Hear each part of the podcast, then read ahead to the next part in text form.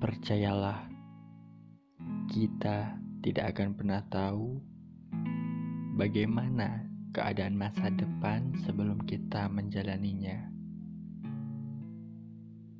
Tugas kita hanya satu: menjadi lebih baik seiring berjalannya waktu dan memberikan yang terbaik selama kita mampu.